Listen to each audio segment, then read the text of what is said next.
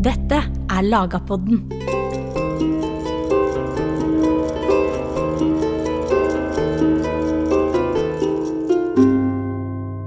Hva var bylova som regulerte de norske byene? For landslova av 1274 den regulerte forholda på landet. I 1276, to år etterpå, ga Magnus Lagabøte ei bylov, opprinnelig for Bergen, som senere ble brukt i de andre litt over ti norske byene.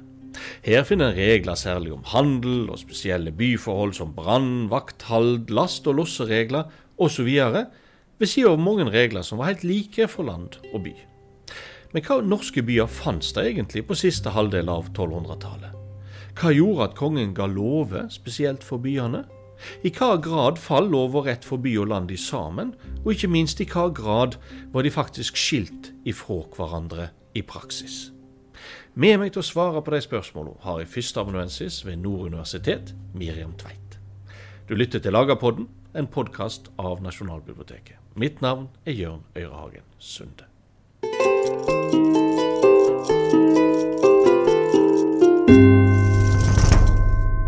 Miriam, kan du fortelle litt, hva, hva byer hadde vi i Norge på 1200-tallet? Ja, I Norge så hadde vi et uh, ca. et dusin antall byer Mm. av uh, forskjellig størrelse. Vi har uh, den store byen, den eneste store byen Bergen, Mm. med kanskje 6000-8000 innbyggere. Ja. Og så har vi eh, noen veldig, veldig små byer, Mm. eh, med kanskje bare noen hundre innbyggere. Nettopp. Kan du gi noen eksempel? Ja, vi har f.eks. Eh, Vågan helt i nord, Ja. som eh, så vidt kan defineres som en by. Mm. Vi har eh, Marstrand i dagens Sverige, Mm. helt i sør, som også begynner å ta form som en by mot slutten av 1200-tallet. Mm. I tillegg til Oslo, så har vi, nei, i tillegg til Bergen, Ja. så har vi tre andre eh, byer som regnes for å være litt ekstra viktige. Mm. Og det er Oslo, eh, Ja. Nidaros og Tønsberg. Ja. Og Tønsberg og Oslo de er eh, kongelige residensbyer, mens eh, Nidaros har jo på 1100-tallet blitt erkebiskopens sete i eh, erkebispedømmet Nidaros. Mm. Så der er det erkebiskopen som eh, styrer. Hva skal egentlig til for at vi kaller noe en by når vi er på 1200-tallet? Ja, når vi skal snakke om middelalderbyen, eh, så har vi gjerne eh, Vi snakker gjerne om strukturelle og funksjonelle kriterier for å måtte gripe byen. Mm. Og med strukturelle kriterier så mener vi at eh, byens bebyggelse, altså byen skal ha en tettere bebyggelse enn området rundt, Ja. og en eh, tettere befolkning enn området rundt. Og det Mm. skal være fast bosetning hele året. Ja. Med funksjonelle kriterier så snakker vi om at eh, byen utgjør et sentrum for eh, et større eller mindre omland, Mm. et eh, administrativt sentrum Ja. og et økonomisk sentrum i form av handel og tjenester. Ja. I tillegg så eh, ser vi på eh, juridiske kriterier. Altså byen hadde gjerne en eh, egen jurisdiksjon Mm. eh, som grenser til området rundt. Ja. Eh, I de norske lovene så kalles den eh, byens jurisdiksjon for takmark. Og denne For til takmark, er jo, eller byen er jo sammensett både av bebygd område og av rett og slett òg noe jordbruksland, eller Ja, ja fortell. Eh, ja, byene besto av eh, byens bebyggelse, men også et eh, eh, jordbruksområde, som du sier, Mm. eller utmark, som byen benytta seg av. Ja. Og som forsynte byen med eh, jordbruksvarer. Ja. Og det kunne være ganske stort, eh, sånn som området rundt Bergen, eller eh, ganske lite. Og eh, det fant også eh, en stor grad av jordbruk rundt byen, men kunne også være jordbruk i byen. Mm. Eh, F.eks. Hamar er kjent for eh, kålhager og epletrær. Nettopp. Ja. Ja, ja. Hamar er jo eneste byen som ligger vel i innlandet. Alle de andre ligger ved kysten, stemmer ikke det? Jo. Ja. Eh, men alle de norske byene ligger ved vannveier, Ja. også Hamar. Men det er sant, eh, de aller fleste norske byene de ligger langs kysten, langs eh, farleia, og det er jo det som definerer eh, de norske byene, det er sjøfartsnasjonen Mm. Norge. Mm. Og byene er alltid knytta til handel gjennom eh, sjøfart. Ja. Og når begynner vi å få en bydannelse i Norge? Ikke nødvendigvis hva er den første byen, men nå kan vi si at byene setter sitt preg på det norske riket, norsk politikk og, og økonomi. Ja, de norske byene, altså Utviklinga av de norske byene er gjennom hele middelalderen tett knytta til kongemakta. Ja. Og vi ser eh, i beskrivelsen av det vi kaller borgerkrigstidene, så um, Ja, Som er ca. 1130 til begynnelsen av 1200-tallet. Ja. Ja, ja.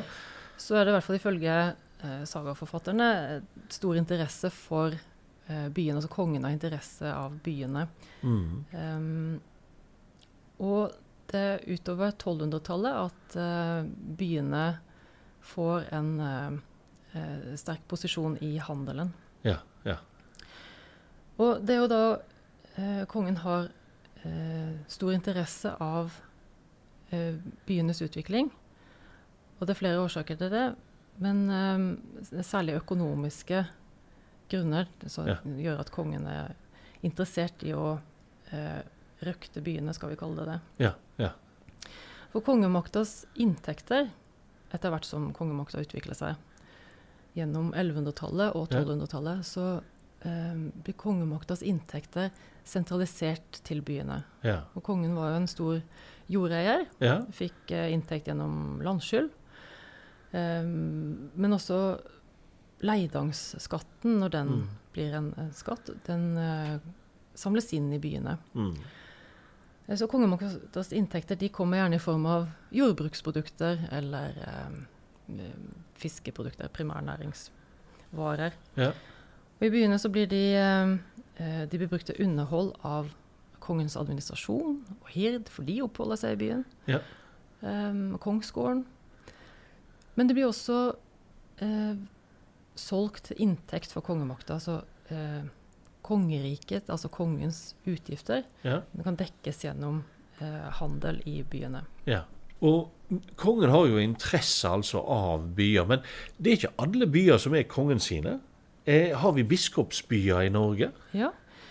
Eh, Stavanger og Hamar, som vi har nevnt, Mm. var eh, byer som eh, var bispesete, men det er altså biskopen helt klart styrer byen og Nettopp. dominerer byen. Ja. Det, Oslo er også en biskopsby, men kongen har mye større kontroll på Nettopp. den byen. Og Stavanger blir jo eh, gitt i gave til biskopen, gavebrevet Ja. Em, fra Magnus Erlingsson. Og eh, så kan vi jo diskutere hva som legges i det, men det er helt klart at kongen Mm. eh, aksepterer biskopens kontroll av Stavanger. Ja, Og da ser vi òg litt ved at eh, kongen beholder Avaldsnes som en kongsgard, og lagmannen i Ryfylke har jo en tendens til å holde rett andre steder enn byen Stavanger, som indikerer òg dette at biskopen har kontroll. Men, men hva med Nidaros? Skal vi kalle det erkebiskopen sin by? Du var jo inne på dette tidligere. Ja. Eh, kongene har, eh, har vært med på å bygge opp Nidaros som by. Ja. Eh, når Nidaros blir erkebispesete på midten av 1100-tallet, så får eh, erkebiskopen eh, mer og mer kontroll over eh, bystyret. Eller det ser ut som utover 1200-tallet at eh, kongsgården betyr mindre, og mm. kongen eh, trekker seg ut av eh, det direkte styret av byen. Og nå skal vi etter hvert òg snakke om dette styret av byen, og hvordan det er knytt til, til lov. Men eh, først skal vi ha en liten pause.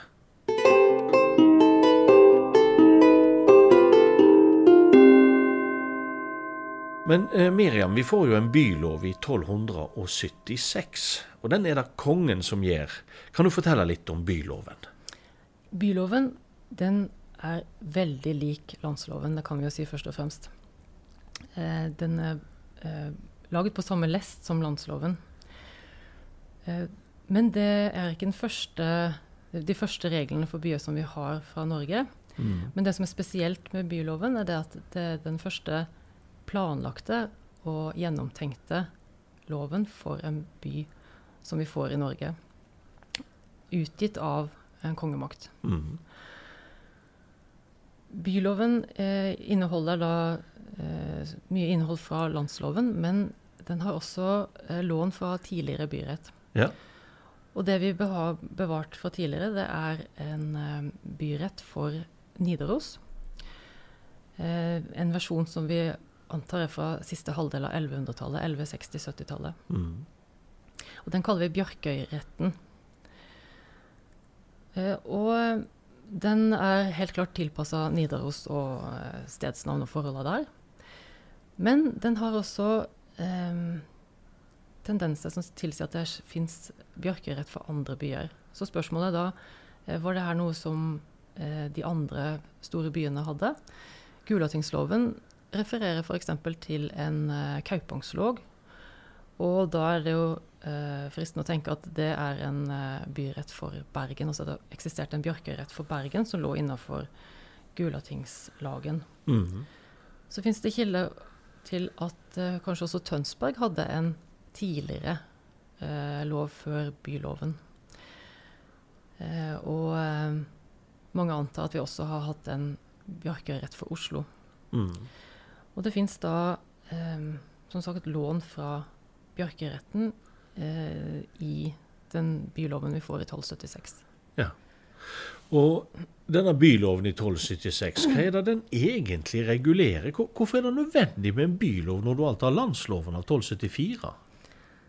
Ja, det er eh, I byloven så ser vi jo da hva Magnus Lagerbøte og hans stab ser på som eh, det urbane Norge. Så Mm. det er jo interessant.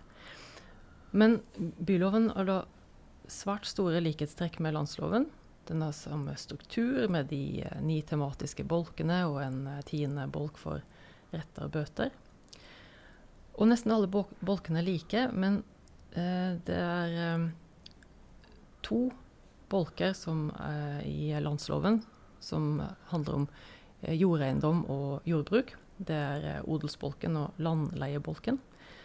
Og de er tatt ut, og så har vi fått inn det som heter byskipingsbolken, altså en byordningsbolk. Mm. I tillegg så fins det i eh, byloven kobla til en eh, sjøfartslov Ja. som eh, kalles eh, farmannaloven. Ja. Men det er da i eh, denne byordningsbolken som vi endelig får lukten av det urbane Norge. ja, ja.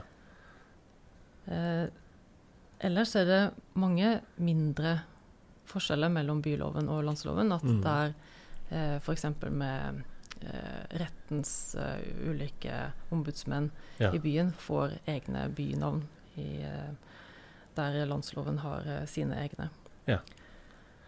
Men hvis vi snakker om dette, du sier en får lukta av det urbane Norge, så, så hva lukter vi, eller nærmere sagt, eh, hva regler er det vi har som er spesielle for byen, og som gjør byen annerledes enn landsbygda? Ja. Eh, Byskipingsbolken den eh, starter med at eh, det skal være orden i byen. Mm. Og det har nok noe å gjøre med at de, eh, der bor folk tett. Mm. Og eh, de aller første reglene handler om eh, byens orden. Først at folk skal rydde i gatene før jul. Mm. Det skal være fint i byen før høytid. Og så er det eh, regler for at byene skal oppnevne vektere som skal gå runder om nettene og eh, varsle i tilfelle brann eller eh, vold i byen, eller eh, om så angrep på byen. I tillegg så kommer det en ny regel i byloven som, hvor det står at eh, folk skal være innom nettene. Mm. Eh, rett og slett et slags portforbud. Og det kan jo virke litt for oss som et eh, overraskende litt overformynderi. Men det var helt vanlig i uh, europeiske byer i middelalderen med uh, portforbud. Ja. Det står at eh, folk skal ikke være ute i andre folks gårder, ørkesløse uten ærend.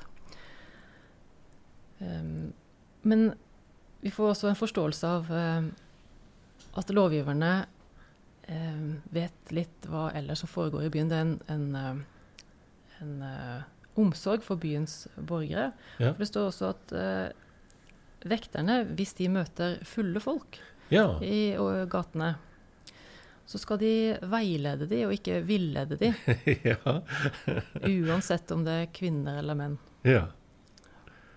Og så har du jo regler om det som var den store skrekken i en by i Norge med trehusbebyggelse, nemlig brann. Ja. Og dette er jo òg knyttet til vekterne, er det ikke det? Jo, eh, vekterne de holder utkikk etter eh, branntilløp. Mm. Og skal holde utkikk fra kirketårn og på runden sin. Og eh, ja, det, de norske byene var bygd i hovedsakelig tre med torvtak. Og hvis det først eh, fatna, så brant det veldig godt. Og det har jo Mm. vært mange bybranner i eh, eh, Oslo og Bergen f.eks. opp igjennom, så det var en helt reell fare. Men uh, byskipingsbolken inneholder um, det vi kan kalle brannberedskap. Mm.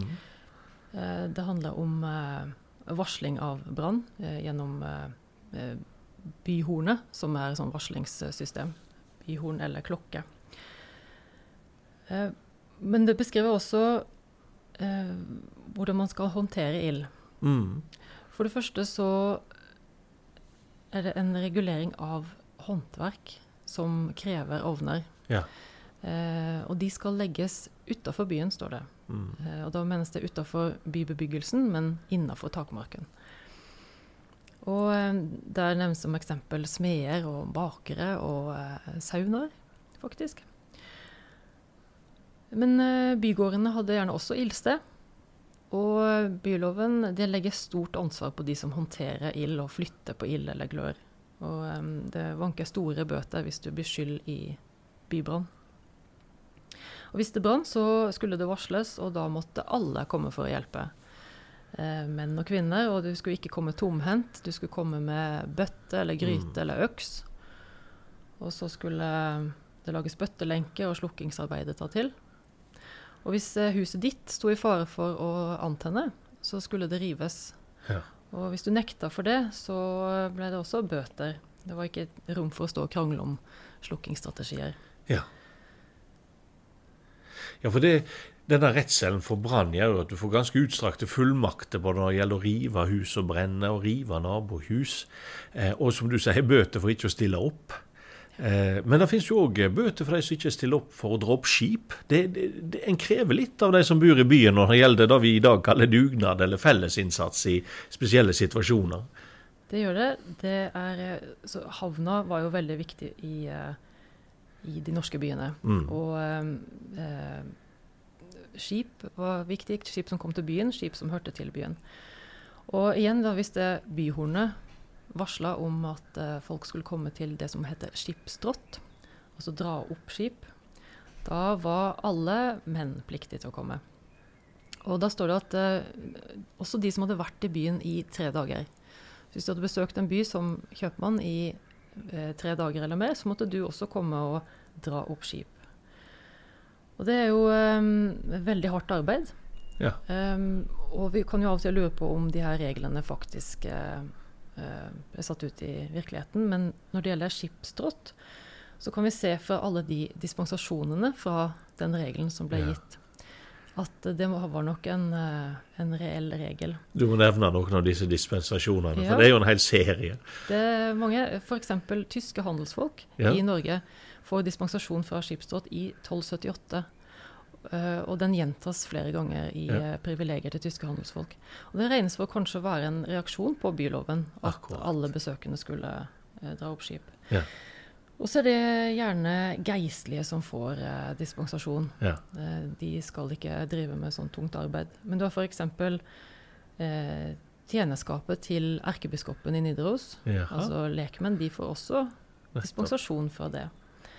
Og så har du eh, f.eks. Uh, de geistlige på eh, Sankt Stefanus eh, hospital i Tønsberg, som får et, en dispensasjon fra Håkon Magnusson i 1320. Ja, ja. Men når vi snakker om skip, så kan vi ikke la være å snakke om farmanalogen. Fortell, hva er det for noe? Ja, hva er farmanaloven? Det, det er eh, Vi har jo en del regler i byloven om skip som kommer til byen. Men det reiste jo også en del skip ut fra, eh, fra kysten og fra byene. Og eh, farmannaloven det er en lov for sjøfarende, Mm. eh, for sjøfart. Eh, og egentlig eh, regler for handelsreisende. Og denne loven den eh, fins i Bjarkøyretten, den gamle Bjarkøyretten for Nidaros. Og den blir da tatt med i byloven, Mm. den nye byloven av 1276. Men utvida med flere regler. Og den står alltid eh, i forbindelse med byloven. Eller ofte i forbindelse med byloven. Enten som en bolk eller like etter i manuskript eh, for byloven. Den kan også stå før byloven. Men eh, pga. Eh, sjøfartens assosiasjon med handel, så eh, kobles den også til byloven. Mm. Og reglene der det handler om at akkurat som byen er et eget samfunn som krever egne regler, så er skipet også et sånn eh, samfunn i miniatyr. Mm. Og eh, der må de også ha regler for eh, oppførsel og for hvis det blir konflikt om bord, Ja. eh, eller konflikt underveis på handelsferden. Ja. Så det er en slags sett regler som følger eh, mannskap og styremannen ut i verden, Ja. eller eh, til sjøs eh, langs norskekysten. Ja.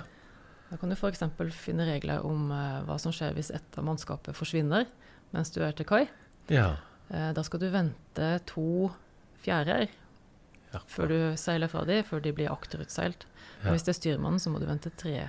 Akkurat. Fjerde. Ja. Ja, vi har jo, altså Som du sier, skip er jo et lite samfunn. Du kunne jo til og med sette skipsting Ja. ved masta for å avgjøre konflikter. Ja. Der eh, skulle styrmannen eh, fungere som eh, en slags dommer. Ja. Og mannskapet er tingmennene, så det blir eh, som samfunn i miniatyr. Og hvis Ja. du lå til kai, så skulle du ha tinget ved eh, eh, landgangs, eh, Akkurat. ja. Ja. Nettopp. landgangsplanken. Ja. Og eh, det er jo interessant det der med hva slags jurisdiksjon de har om bord. For det eh, farmannerloven sier at eh, når skipet har seilt én skipslengde for kai, altså sin egen lengde for kai, Ja. Da gjelder de avtalene som er inngått om eh, gods om bord. Så det må jo bety at eh, da er styrmannen eh, og mannskapet de er underlagt farmannerloven fra de har seilt sin egen lengde fra kai. ja, dette med, med skip ved kai er jo interessant, for det har en òg regler om. Ja, det var jo du som syntes det var en uh, interessant regel. Det at uh, havna er jo viktig for de norske byene, og um, byloven er opprinnelig laget for Bergen by, Mm. men eh, eh, tilpasses da andre store norske byer. Oslo, Tønsberg og Nidaros. Og eh, det forventes at det kommer flere skip til kai, og da er det jo viktig å ha en effektiv havn. Ja. Så det fins regel i byskipingsbolken om hvordan skip skulle legge til og laste eh, eh, godset sitt Ja. i kai. Ja. Du skulle legge til kai og straks laste, losse. Ja. Og deretter så skulle du legge deg ut på reden for ikke å være i veien for andre skip som kom til. Ja. Men hvis du hadde kaiplass eh, i den byen, så var det viktig å legge seg med én stavn inn og én stavn ut. Altså Ja. ikke legge seg med breisida til kaia og ta opp eh, mye plass. Det fins også regler for eh, hvordan du skal øyse skipet. Jaha. Eh, du skal starte i den ene enden og, og øyse langs eh, eh, styrbord eller babord, og ikke sånn, kaste vann i alle retninger. Ja. Så du må ta hensyn når du ligger til kai i en eh, viktig havneby. Og nå skal vi òg begynne å snakke litt om praksis i byen, og den rettspraksis du hadde der. Men først så skal vi ha en liten pause.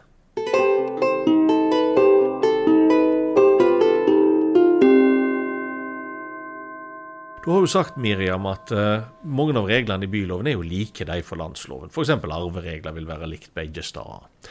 Uh, men så har du særegne regler for, for byen og byforhold, og byen var en egen. Men når vi ser på rettspraksis knytt til byene, er det alltid lett å se om det er landsloven en bruker, eller byloven en bruker. Nei, det er ikke det.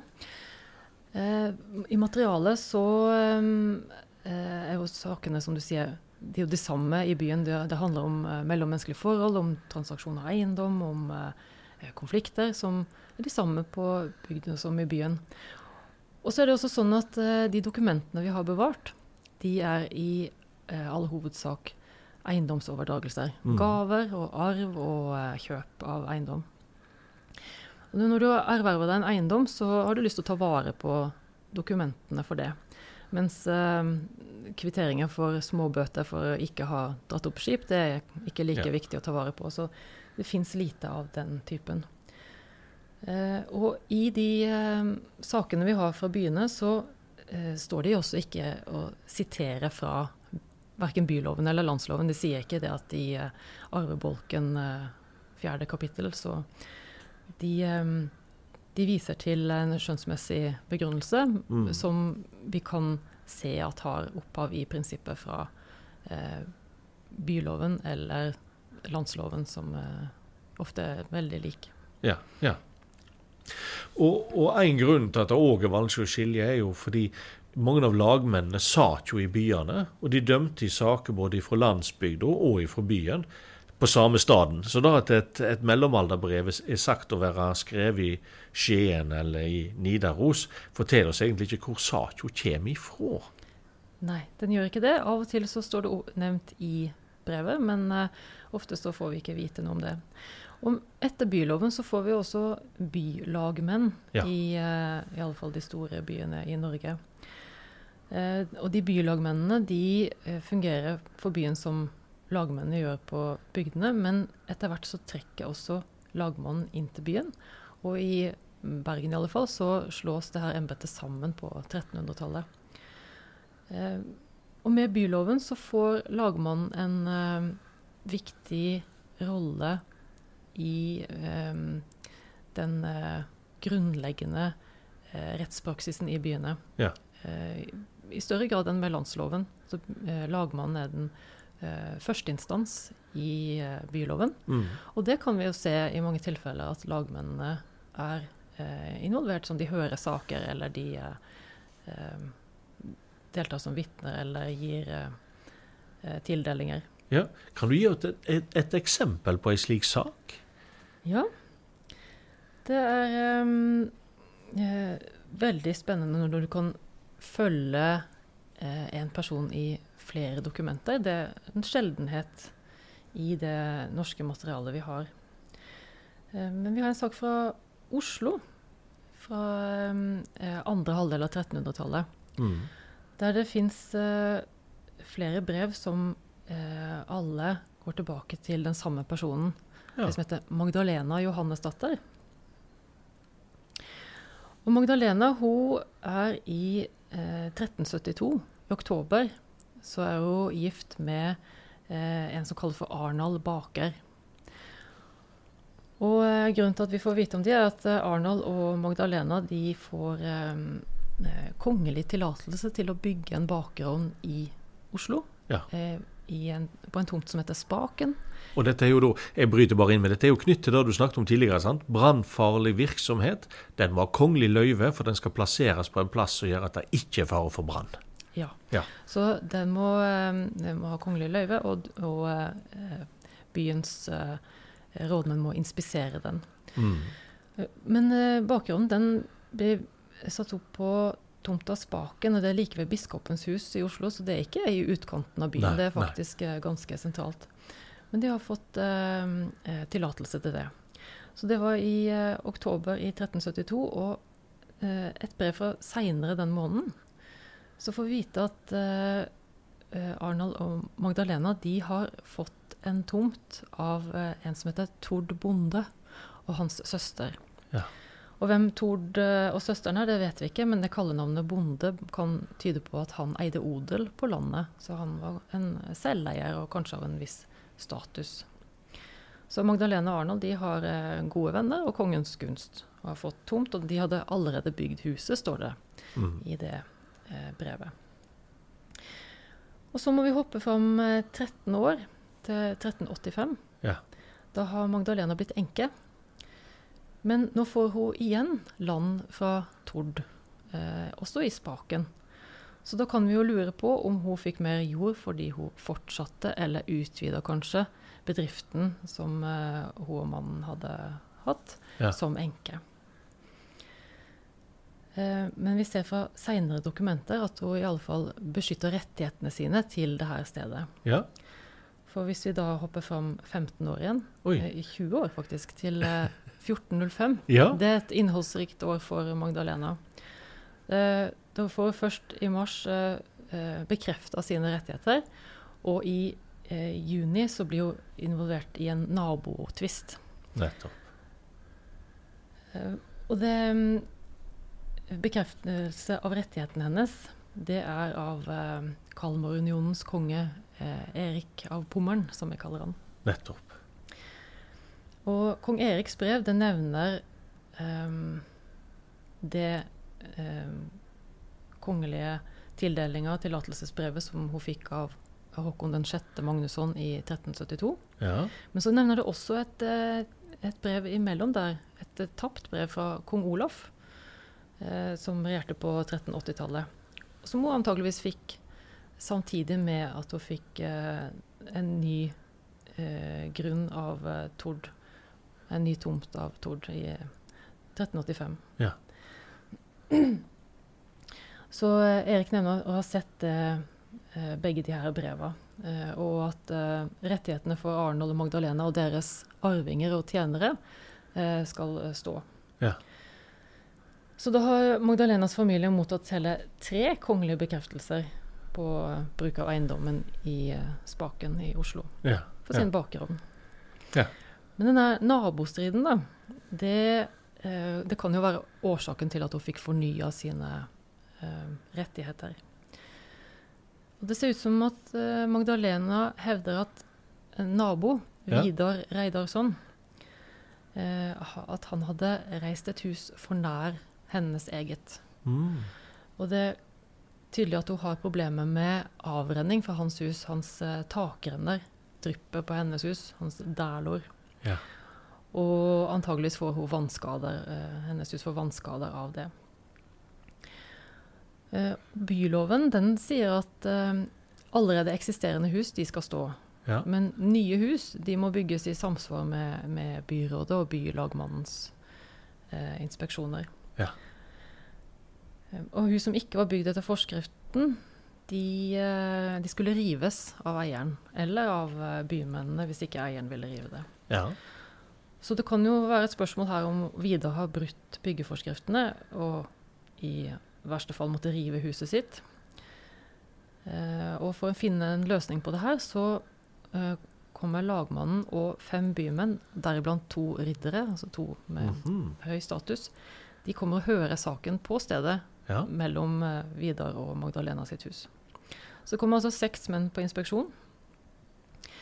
Og hvis vi da igjen ser på byloven, så eh, en seksmannsjury det er noe de setter inn som en voldgiftsdomstol ved eh, flere forskjellige tilfeller, men også skade. Ja. eh, uaktsom eller forsettlig skade. Ja. Så det kan være det vi ser et tilfelle av her. Ja. Men eh, avgjørelsen, Ja. den er du spent på. ja. Eh, den er at Vidars hus den skal stå. Okay. Han skal slippe å rive huset sitt. Men han må utforme eh, takrennene sine på en sånn måte at hennes hus er uberørt av drypp fra den. Ja. Og så må han også betale en ganske stiv kompensasjon på tolv merker i mynt. Oi. Det er en, eh, en høy eh, kompensasjon. Ja. Og det står det at, i eh, det her dokumentet at eh, det hadde hun fortjent i massevis. Så han har vært vrien, rett og slett. Ja, eller så ser de at uh, de ulempene de var Ja. ganske betydelige for Ja. Magdalena. Uh, men likevel så velger de å løse det her på en, uh, på en fornuftig måte, sammenlignet med det dramatiske steget å Mm. rive eller flytte huset. Mm. Så, men mellom de eh, kongelige tildelingene og at menn av høy status hører saken, så kan det se ut som Magdalenas familie hadde en høy status eh, som håndverkere i eh, Oslo. Ja. Eh, så den saken representerer kanskje ikke de aller fleste som eh, bodde og drev i Oslo by. Eh, men vi ser likevel at eh, det er skjønn som blir lagt til grunn for Mm. den løsninga som ble nådd. Ja. Og så kan vi skimte prosedyrer som eh, samsvarer med byloven Ja. I eh, saker som denne. Og med denne fantastiske saken om Magdalena i Oslo, så avslutter vi denne samtalen. Tusen takk, Miriam, for at du kom her til Lagerpodden og svarte på alle disse spørsmålene, og fortalte om alt det du vet om byloven og om norske byer. Takk skal du ha.